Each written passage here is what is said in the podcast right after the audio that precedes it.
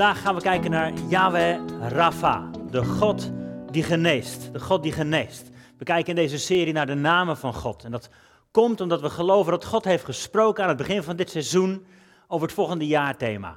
Wij eren de naam van de Heer. Dus een soort van proclamatie, maar ook een oproep naar onszelf. Dit is wie we zijn, dit is waar we voor gemaakt zijn. Dit is ten diepste onze bestemming. Wij eren de naam van de Heer. Nou, vorige week heb ik al kort iets over gezegd. Hè? Het woordje wij heeft iets samenbindends. Dit doen we samen. We kunnen het niet alleen, we hoeven het niet alleen.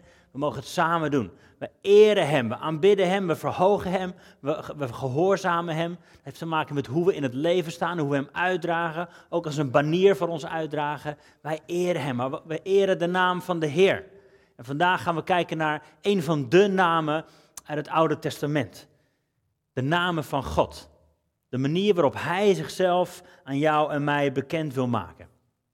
En het is ook een, mooi meetmoment, want hoe heeft God zich aan jou bekendgemaakt? Wat is jouw beeld van God? Wie heeft God op welke manier aan jou bekendgemaakt? En ben je bereid om het als het ware weer met open handen vast te houden en te zeggen: God, wat er, niet, wat er niet van klopt, wilt u het van me wegnemen, zodat ik een beeld van u krijg wat waar is, wat klopt, wat in overeenstemming is met uw karakter. En dat is voor ons allemaal een reis. We moeten allemaal dingen afleren en aanleren. Zeker als het gaat over het beeld wat we hebben van wie God nou eigenlijk echt is. Want dat bepaalt hoe we in het leven staan. Met onszelf, met Hem en met anderen omgaan. En daarom is het tof om te kijken naar deze naam van God. Yahweh Rafa, de God die geneest. En eigenlijk, eigenlijk een beetje als inleiding, eigenlijk is dat wel de rode draad door heel de Bijbel heen. De God die geneest. Aan het begin, Genesis, zien we het fout gaan. De zondeval, zoals we het noemen. De zondeval. En, en, en God die meteen daarop ingrijpt en zegt, ja, maar ik laat het er niet bij zitten. Ik ga dit oplossen. Ik ga ervoor zorgen dat het goed komt. Ik ga ervoor zorgen dat de ziekte die het leven is binnengedrongen, het leven van het menselijke ras. Die ziekte die is binnengedrongen, ik ga ervoor zorgen dat er genezing komt, dat er herstel komt. Dat dat wat je ziek heeft gemaakt zal weggenomen worden, er zal genezing zijn en we zullen weer gezond met elkaar kunnen omgaan.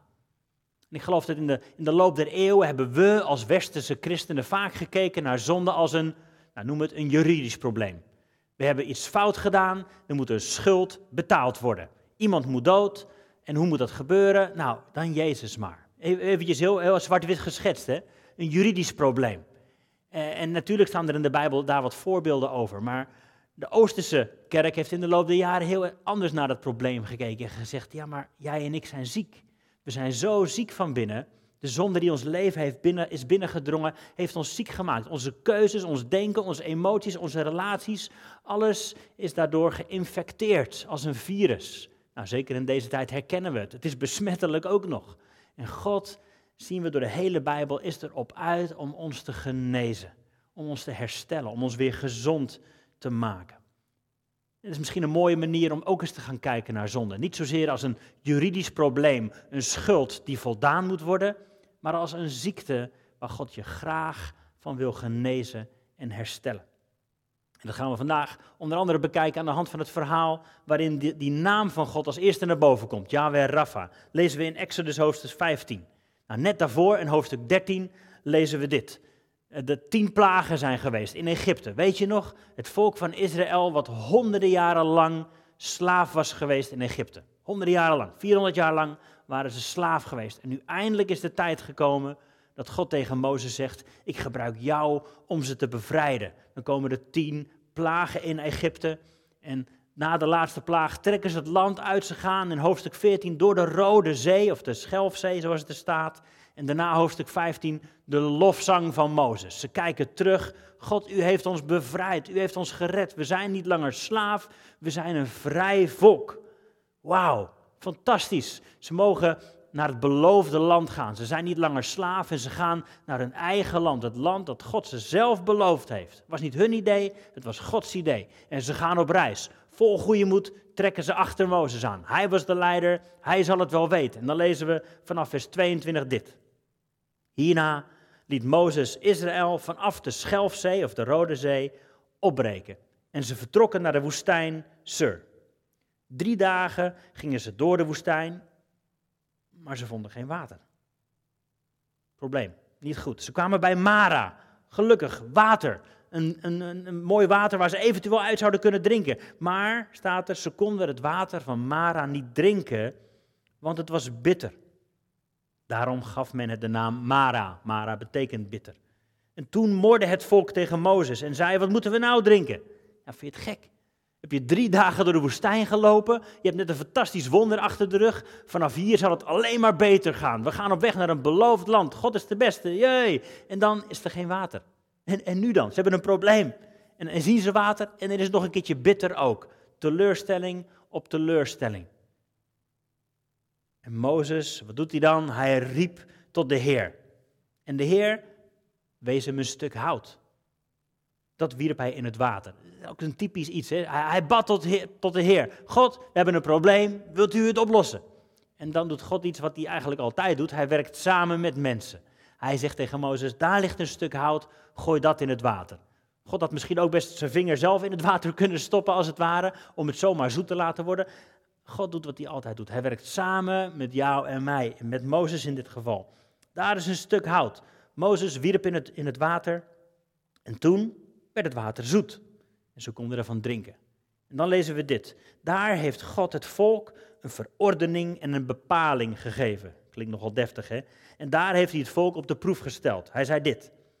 Als je aandachtig luistert naar de stem van de Heer uw God en je doet wat juist is in zijn ogen, als u zijn geboden gehoorzaamt en al zijn verordeningen in acht neemt, dan zal ik geen enkele van de ziekte over u brengen die ik over Egypte gebracht heb. Want, staat er, ik ben de Heer, uw heelmeester. Ik ben Yahweh Rafa. Dat is wat daar staat. Ik ben de Heer die jullie geneest, herstelt, weer heel maakt. Eventjes tot hier. Ze kenden God al als bevrijder. Dat lazen we net in de voorgaande hoofdstukken. Hij had ze bevrijd uit slavernij. Maar nu kennen ze hem ook als de God die wil genezen, die het goede met hun voor heeft.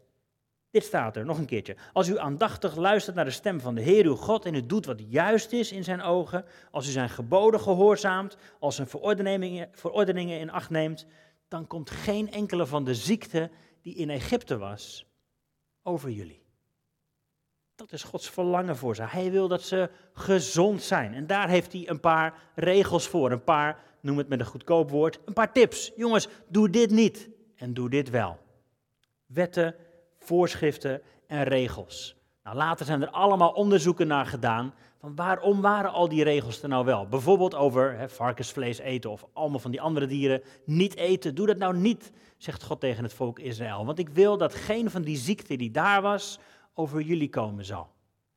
En later ontdek je dat het eigenlijk heel slim was wat ze daar deden. Bepaalde soorten vlees in de woestijn, dat is een optelsommetje voor ziekte, dood en verderf. Dus God wil ze beschermen. Hou je daar niet mee bezig. Ga niet proberen om dat te eten. Het is niet goed voor je. Het is niet wijs. Daar word je niet gezond van. God wil dat je gezond leeft. Bij de Heere, uw heelmeester, hè, Yahweh Rafa, kunnen we natuurlijk meteen denken aan God die je beter maakt als je ziek bent. En dat is een onderdeel daarvan, dat hoort erbij. Maar het gaat verder dan dat. God wil dat je gezond leeft. En daar zijn ook een heleboel van de wetten, verordeningen, regels in de Bijbel voor bedoeld. God wil dat je gezond leeft. We hebben het wel eens vaker over gehad. Bijvoorbeeld de opdracht om God te aanbidden. De oproep om te zingen. Nu ontdekken we, een paar duizend jaar later, dat zingen heel gezond voor je is. Er komen endorfine vrij, bijvoorbeeld. Dat is pijnstillend, maar het is ook een geluksgevoel. Als je samen zingt, als je God aanbidt, dan is het goed voor je eigen lichaam. Endorfine komt vrij, oxytocine komt vrij, waardoor stress en angst verminderd wordt. Dus wat Joffrey net zei, ik hoop dat je uit volle borst hebt meegezongen. En dat is niet omdat God het nodig heeft dat jij zingt. Hij gunt het jou dat je hem aanbidt met geest, ziel en lichaam. Want ook daarin zit een stuk gezondheid voor jezelf. Dat geeft je energie. Zingen geeft je energie. En, heb ik me laten vertellen, als je goed voluit uit volle borst zingt, dan krijg je hele lichaam een workout. Nou, misschien binnenkort als we weer samen kunnen komen, een oproep om samen met lichaam, ziel en geest God te aanbidden. Het is goed voor je en dat is ook Gods verlangen voor je, dat je gezond bent. Een heleboel van de regels die er staan in de Bijbel hebben daarmee te maken. Leef gezond. Natuurlijk is Hij de geneesheer, maar voorkomen is misschien wel beter dan genezen. God noemt niet voor niets ook onze, onze lichaam een tempel van de Heilige Geest. Zorg daar goed voor. Het is bedoeld als een tempel voor God zelf. Maar gezondheid, we hebben het er eerder over gehad, gezondheid gaat verder dan alleen je lichaam. Gaat verder dan alleen je lichaam. Wil niet zeggen dat je lichaam niet belangrijk is. Ik geloof dat we dat ook weer mogen snappen en omarmen. God zag dat het goed was. Hij, hij, hij noemt zijn schepping, hij noemt jou goed. Hij heeft je lichaam niet voor niks op die manier gemaakt. En we hoeven niet net te doen alsof ons lichaam slecht is en alleen onze ziel of geest goed en dat we later naar de hemel gaan. Nee, ook, ook hier en nu wil God je lichaam zegenen, sterk en gezond maken. Maar niet alleen je lijf, ook je, je denken, ook je emoties, ook je relaties. God wil het genezen. God wil het gezond maken en houden. Door de hele Bijbel heen zie je ook daarin. Het verander je denken. Bijvoorbeeld, word gezond, word hersteld, word vernieuwd in je denken. Ga anders denken. Maar ook dit, en dit is misschien wel de bodem onder alles. Weet dat je geliefd bent. Weet dat God van je houdt. Als je dat toch zou snappen en omarmen, dan stroomt gezondheid je leven binnen. In je denken, in je emoties, maar ook in de relaties met de mensen om je heen.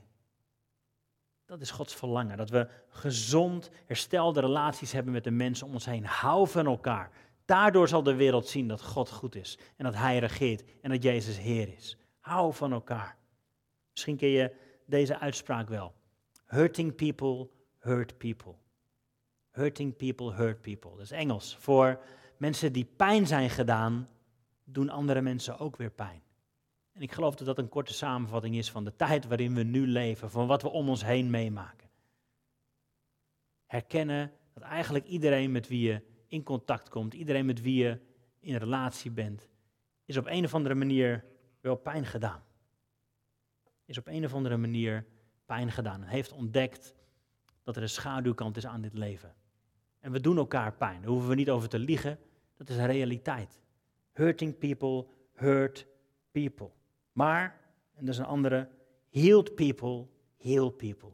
Mensen die genezen zijn, die hersteld zijn door de liefde van God, je zult meemaken, die brengen ook weer genezing daar waar ze komen.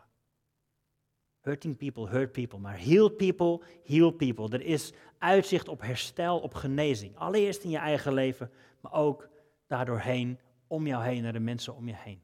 God is een God van herstel en genezing. Hij maakt zichzelf op die manier bekend, al helemaal begin in Exodus. Ik ben de God, jullie heelmeester.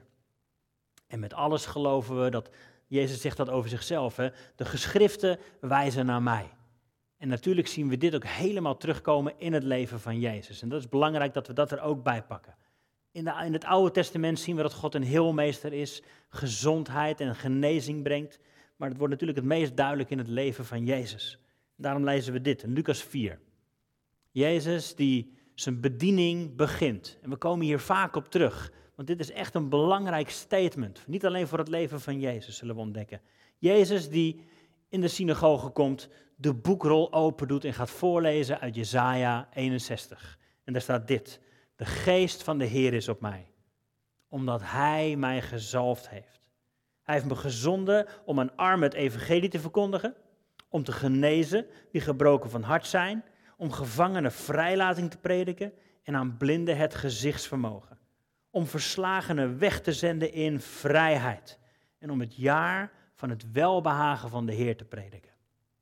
Dit is in een notendop de opdracht, het mandaat vanuit de hemel voor Jezus.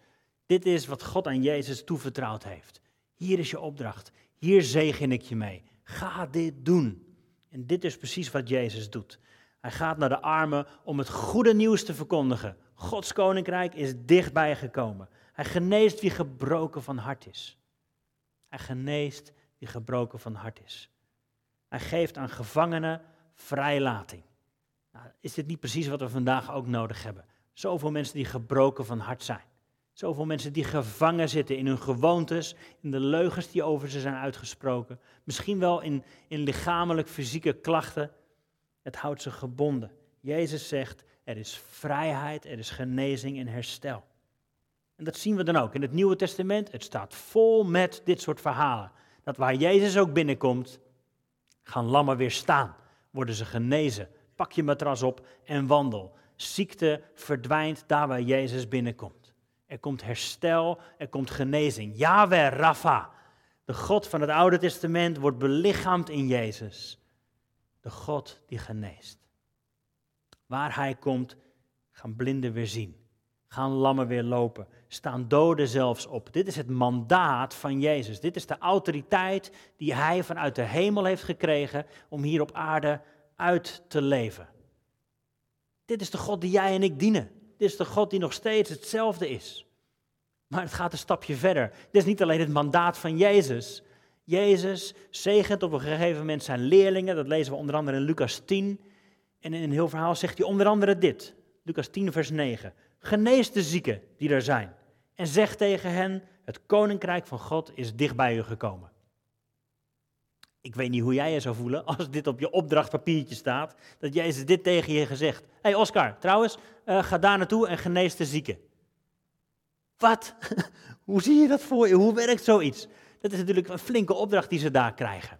Maar het is niet zomaar iemand die het tegen ze, tegen ze zegt. Het is Jezus zelf. Die vanuit zijn autoriteit, als het ware, zegt: Hier, ik deel mijn autoriteit met jou. Zoals God mij gezonden heeft, zo zend ik jou. Niet vanuit je eigen kracht, maar vanuit de kracht van de hemel. De onuitputtelijke bron van liefde, genezing en herstel. Dit is niet alleen het mandaat van Jezus, dit is ook jouw en mijn mandaat. Jouw en mijn opdracht. Ga erop uit. Genees de zieken en zeg: Het koninkrijk van God is dichterbij dan je denkt. Het koninkrijk van God is dicht bij je gekomen. En dan is het altijd een troost om terug te komen bij in Matthäus 28 die woorden die Jezus daar spreekt. Misschien kun je het ook eventjes opzoeken. De elf discipelen zijn naar Galilea gegaan. We zijn aan het eind van het boek Matthäus. Jezus is gestorven en weer opgestaan. En dan gaan ze naar Galilea. De discipelen moesten daar op Jezus wachten. Naar de berg waar Jezus hen ontboden had. En toen ze hem zagen, aanbaden ze hem. Maar sommigen twijfelden. Mooi hè, hoe eerlijk dat is. Ze aanbaden hem, maar sommigen wisten niet helemaal zeker. Hoe werkt dit? Maar Jezus kwam naar ze toe en hij zei: Mij is gegeven alle macht. In hemel en op aarde. Mij is gegeven alle macht. Niet een klein beetje, niet zoveel als de duivel mij toestaat, niet zoveel als de regering mij toestaat. Nee, mij is gegeven alle macht in hemel en op aarde. Ga heen, onderwijs al de volken, doop ze in de naam van de Vader en van de Zoon en van de Heilige Geest. Leer alles wat ik geboden heb in acht te nemen. En ik ben met je. Ik ben met je. Tot de voleinding van de wereld. Dat is wat Jezus spreekt. Hij geeft ons hiermee een mandaat, een opdracht. Jongens, als je mij gaat volgen, dan zijn dit de dingen die je gaat doen. Je gaat erop uit. Je gaat mensen discipelen maken. Je gaat mensen genezen. Je gaat erop uit om het koninkrijk van God uit te delen. Te verkondigen in woord en in daad. En dat zien we inderdaad gebeuren in handelingen. Meteen nadat Jezus is opgenomen in de hemel en de Heilige Geest is uitgestort, hè, Pinksteren hebben we binnenkort, dan lezen we dat er wonderen gebeuren, dat er genezingen gebeuren. Paulus schrijft bijvoorbeeld ook over de inhoud van zijn bediening. Hij zegt, ik ben niet gekomen alleen maar met lege woorden, ik ben gekomen met kracht. Daar waar Paulus komt, genezen mensen. Daar waar Petrus loopt, genezen mensen. Niet alleen maar met woorden, maar met kracht. En vorige, pas geleden ook over gesproken, over de gaven van de Heilige Geest. Onder andere hoor daar wonderen en tekenen bij. Wonderen en tekenen. En ook nu ook nu. Ik denk dat een van de dingen die we zijn gaan geloven is, ja, maar dat, dat was toen voor in de Bijbelse tijd. Maar dat is een leugen. Ik geloof dat het een leugen is.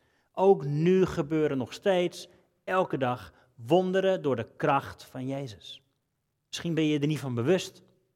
Misschien past dat niet in, in jouw wereldbeeld, in jouw godsbeeld.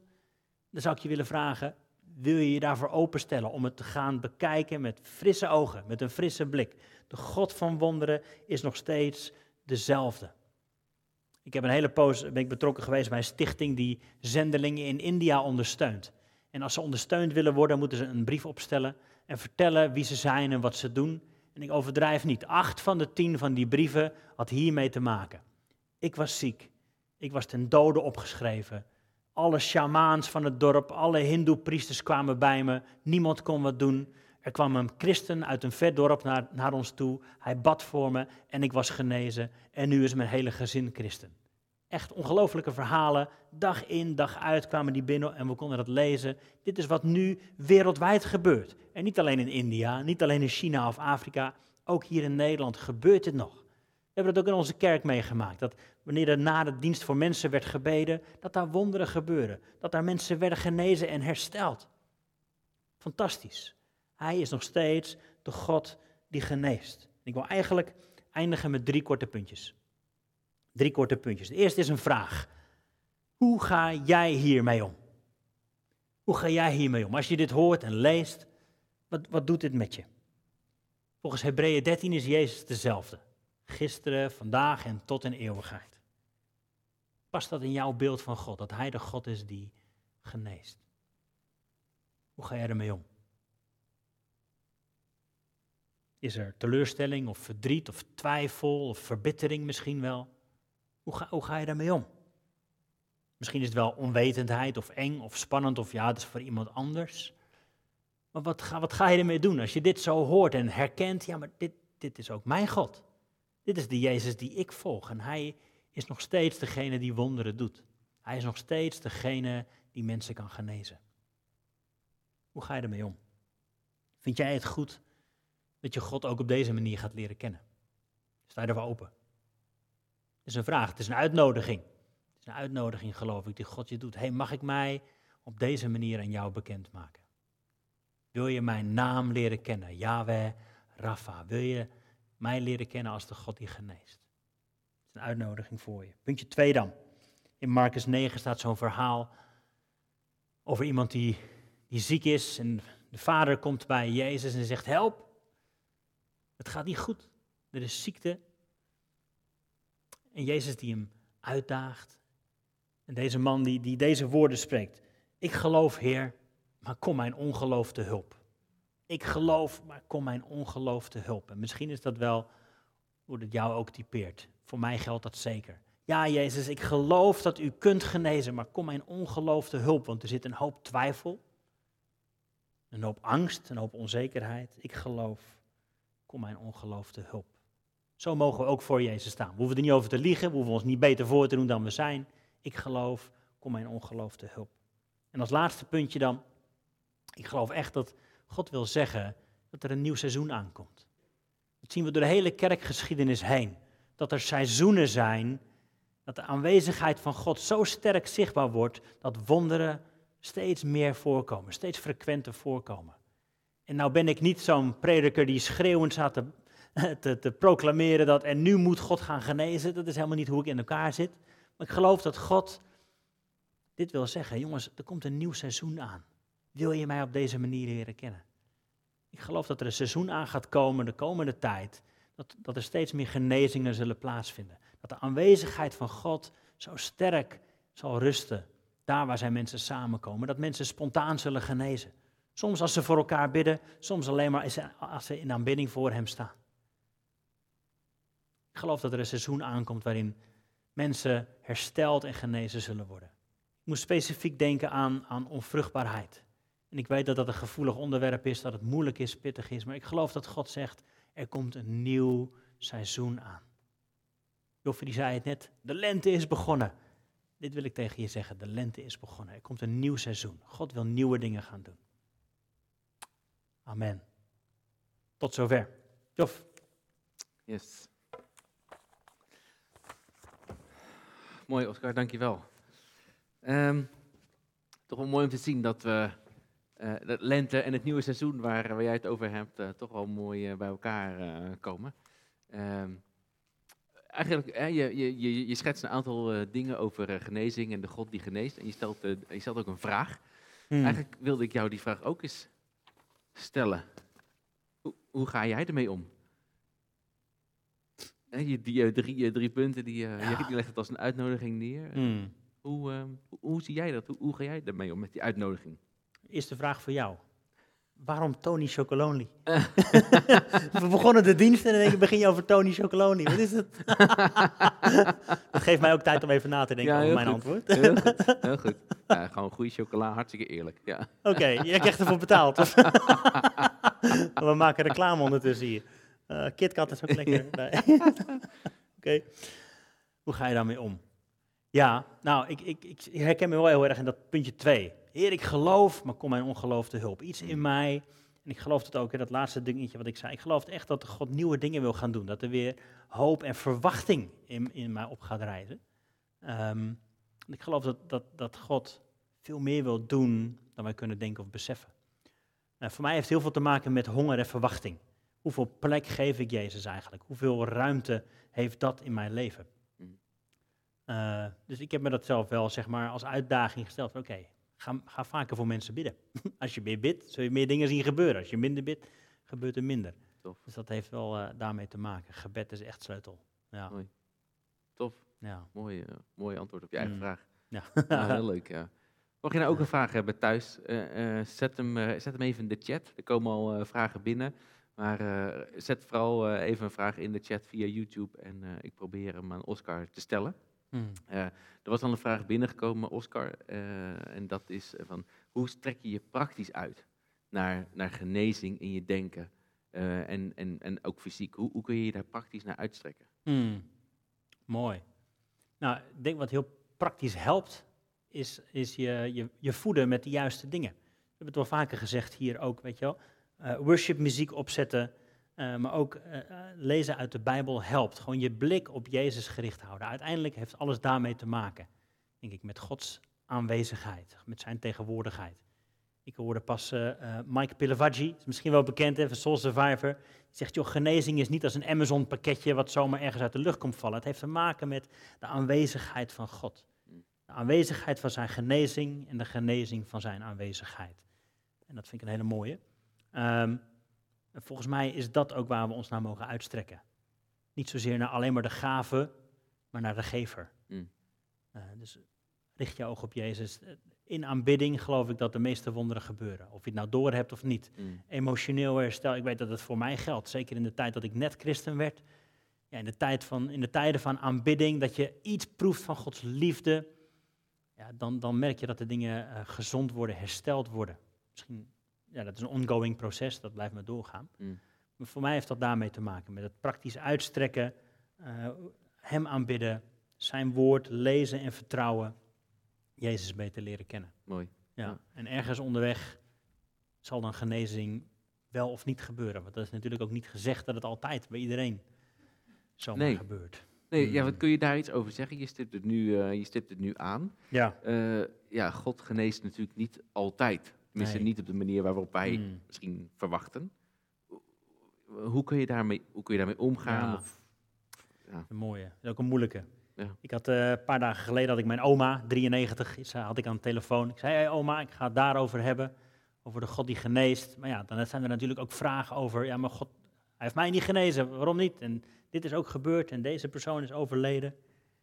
En mijn oma, die, eh, die weet ook wel wat eh, ziek zijn is ondertussen natuurlijk, op die leeftijd zeker. Die zei, ja, jongen, het is ook gewoon een voorproefje hier, hè. het beste komt nog. Eh, het is een voorproefje. Dat vond ik eigenlijk wel heel mooi. ja. Ehm, en het eerlijke antwoord, denk ik, is als we het hebben over waarom God, waarom God niet iedereen geneest, is ja, ik weet het niet. Ik weet het niet. Dat is ook het meest eerlijke antwoord, denk ik. En daarmee zeggen we ook, God is zoveel groter dan wij nu kunnen beseffen. Het is geen systeem. Hè? Alles in ons verlangt natuurlijk, dat zien we ook in deze tijd, naar controle. Ja. We moeten precies weten wat er gebeurt als we dit doen. Eh, maar zo werkt het leven met God niet. Mm. Ehm, het is wel een uitnodiging om Hem te vertrouwen in, in alle dingen. Ik heb een paar dingetjes opgeschreven erover. In, Ja. in aanloop hier naartoe dacht ik natuurlijk waar deze vraag kan komen. Eh, wat wel belangrijk is, is om, om te blijven ont- onthouden, is dat het ook in het leven van Jezus altijd weer anders ging. Ehm, de ene keer lezen we, iedereen die bij hem kwam werd genezen. Mm. Nou, fantastisch, willen we allemaal meemaken. Een andere keer staat er dat Jezus voor iemand bad die blind was. En die beste man, die, die, ja, er wordt voor gebeden en hij, hij kijkt uit zijn ogen en hij zegt, ja, ik zie wel wat, maar mensen lijken net bomen, dit klopt niet helemaal. Mm. Zelfs Jezus moest nog een tweede keer bidden. En Pieter had het er pas volgens mij pas ook over, hè? Pieter Prothero. Die iets zei over bidden kun je ook zien als een, kanon, een kogel die tegen een muur aangeslingerd wordt. En, en, na verloop van tijd begint die muur te vallen. Dus soms is het ook nodig om vaker te bidden. Mm. Soms zegt Jezus, dit gaat niet uit dan door bidden en vasten. Dus soms moeten we ook andere dingen doen. Uh, later in de Bijbel lezen we het ook. Hè? Uh, heel veel van de apostelen maken wel wonderen mee, maar Paulus zelf bijvoorbeeld, die schrijft over zichzelf, ja, ik heb een doorn in mijn vlees. Ja. En die ging niet weg. Ja. Ook niet toen Ja. ik het drie keer voor gebeden had, notabene. Ehm dus ik denk dat uiteindelijk wat overblijft is, onze verantwoordelijkheid is, ja, we, wij moeten bidden. Dat is de opdracht die we hebben. We moeten handen opleggen. Mm. Soms mogen ook andere mensen erbij roepen. In Connect Kerk hebben we het ook gezien dat mensen na de dienst voor elkaar gingen bidden. Dat je zei, eh, joh, Alfons of Gerben, kom er even bij, we willen graag bidden voor genezing. Samen bidden eh, heeft ook absoluut meerwaarde. Sommige mensen hebben ook, hè, volgens de Bijbel, de gaven van genezing of van Ja. krachten. Ja. Dus daar moeten we ook gebruik van maken. Eh, en daarnaast ook, soms is het antwoord dus blijkbaar, volgens Paulus, nee of nog even niet. En dan moet je dat ook omarmen. Zeggen, oké, uw genade is mij genoeg. Help. En Paulus kon waarschijnlijk door die doren in zijn vlees, hè, wat we lezen, kon hij een heleboel dingen waarschijnlijk niet doen. Maar hij heeft ook een heleboel dingen wel gedaan. Ja. En dat is een ander ding. Oké, we, we kunnen alleen maar focussen op, ik ben ziek, ik heb die genezing daarvan nodig. Maar misschien zegt God, joh, nog even niet, er is nu tijd voor wat anders. Eh, dat maakt het misschien niet makkelijker, maar dat helpt denk ik wel om op die manier ernaar te kijken. God is geen, ik zeg het wel eens gekscherend, God is geen uh, kauwgomballenautomaat waar je een kwartje ingooit en er komt wat uit. Helaas niet. Nee. Maar we mogen hem wel vertrouwen. God, ik hou eraan vast. Hou eraan vast. Mooi, ja. En, en je noemde ook eh, dat, het heel veel, eh, dat het ook heel veel in zit in voorkomen. Hè? Voorkomen beter Mm. dan genezen. Een gezonde levensstijl, Ja, een gezonde mentaliteit, hè? Mm. gezonde gedachten. absoluut. Ja. Ehm, hoe, kun je daar, hoe kun je daar verandering in brengen? Is dat, Mm. eh, eh, heb je daar tips of ideeën over? Eh, nou, ik denk dat heel veel. Marja zei het net eigenlijk ook al. Ik heb anderen nodig. Je hebt anderen nodig. Gezonde mensen. Mensen die ook van Jezus houden. Mensen die ook achter hem aangaan. Omring je daarmee. Volgens mij is dat zo'n oud gezegd. Hè, van, eh, vertel mij je drie beste vrienden en ik vertel, me, vertel jou wie je bent. Mm. Eh, dus als je, als je je optrekt met cynische mensen, verbitterde mensen, een grote kans dat je ook die kant op gaat. Dus het is nodig, belangrijk dat je jezelf omringt met mensen vol geloof, vol liefde, vol hoop. Dus vrienden, absoluut belangrijk. Ehm, en daarnaast ook herkennen, soms heb je hulp nodig. Weet je, sommige, sommige van ons hebben in de loop der jaren knauwen gekregen waar je gewoon hulp bij nodig hebt. En sommige dingen gaan wel over door gebed en andere gaan over door therapie. Gewoon aan de gang, praat erover, met de billen bloot, eh, letterlijk of figuurlijk. Praat erover en eh, erken dat je anderen nodig hebt. Ja. En gewoon een verandering van denken kan soms ook jaren duren. Bij sommigen gaat het zo en bij anderen duurt het een poos. Dat zijn wel praktische tips. Ja. We hebben hier natuurlijk in de kerk ook een, een soort mentorgroep. Hè? Ja. Eh, dat is een mooie groep mensen die samen met je op wil trekken. Ja. Als je merkt, help, ik loop hier tegenaan, het lukt me niet. is oké. Het is geen schaamte, geen angst. Eh, er zijn mensen die zeggen, weet je wat, heb ik ook gehad. Ja. Loop je met me mee? Gaaf. Dus maak er gebruik van. Hoe kan je je daarvoor aanmelden? Even tussendoor. Ehm, als het goed is staat er een stukje op de website, maar je kunt altijd even een berichtje sturen naar info.connectkerk.nl. Eh, van, joh, dat, dat gebeurt allemaal met, eh, hè, eh, noem je dat? Gaan we met zorg mee om. Ehm, en we zoeken naar mensen die bij je passen, met wie je een post kunt optrekken. Die daar ook van genieten, die graag aan je willen geven, tijd en aandacht. En, eh, ja, Mooi, nou, Cool. dat is Ja. praktisch. heel mooi. Mm. Ik wil afsluiten met een, eh, met een dilemma. Die we via de, de chat hebben gekregen, waarvoor dank. Zo- waar moet je uitkiezen? Eén keer voor genezing bidden eh, en, en laten zalven en dan aan God overlaten? Of blijven bidden, smeken, kloppen, volhouden totdat je geneest? Mm.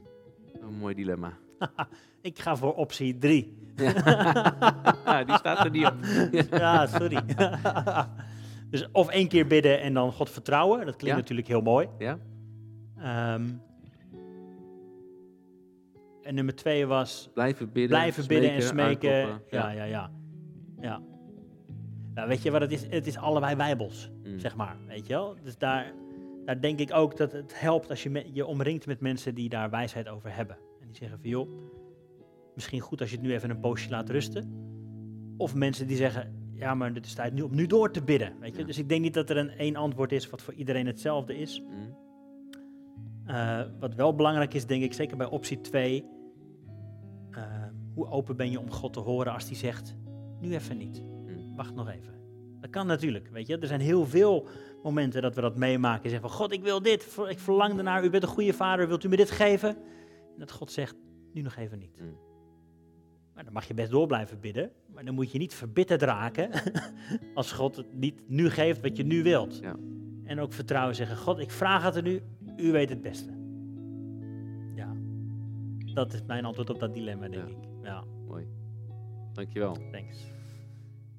Ja, fijn dat, eh, dat jullie je vragen hebben ingestuurd. Fijn dat jullie eh, eh, meedenken en mee reageren. Blijf dat ook doen als je door wil praten. Er zit iemand achter de gebedstelefoon, Pieter vandaag. Die kan jou een, een- je, je WhatsAppje beantwoorden. Of, of, of pak de telefoon op hem en ga met hem in gesprek. En mocht je inderdaad behoefte hebben aan, aan een mentor, iemand die met je meeloopt, stuur dan inderdaad een mailtje aan uh, info.connectkerk.nl uh, of, stuur, uh, of stuur even een berichtje bijvoorbeeld aan, aan Oscar. We gaan daar zorgvuldig mee om. Maar zorg dat je niet alleen komt te staan. En als je hiermee worstelt met fysieke genezing, of misschien worstel je met een beetje denken dat je daarin genezing nodig hebt, kom gewoon met iemand in contact. We bidden graag voor je, we lopen graag met je mee. Um, je, hoeft dit niet, je hoeft dit niet alleen te doen. Dus. Hmm, ja, dankjewel. Toch nog even kort zeggen over dat, dat laatste stukje. Ik geloof echt dat dat iets is waar we mee bezig mogen blijven gaan. Er komt een nieuw seizoen aan. Komt een nieuw seizoen aan. Dus ik geloof echt dat, dat we dat mee gaan maken in de komende tijd. Dat mensen genezingen zullen gaan meemaken, herstel. Ja, uh, ja. het is goed om, om zeg maar, hè, de Bijbel roept ons ook op om elkaar aan te moedigen. Jagen naar, streven naar, maar wakker, wakker het ook aan bij elkaar. Ja. Dus dat is belangrijk. Ik wou nog even, even kort zeggen. Ja, mooi man, dankjewel.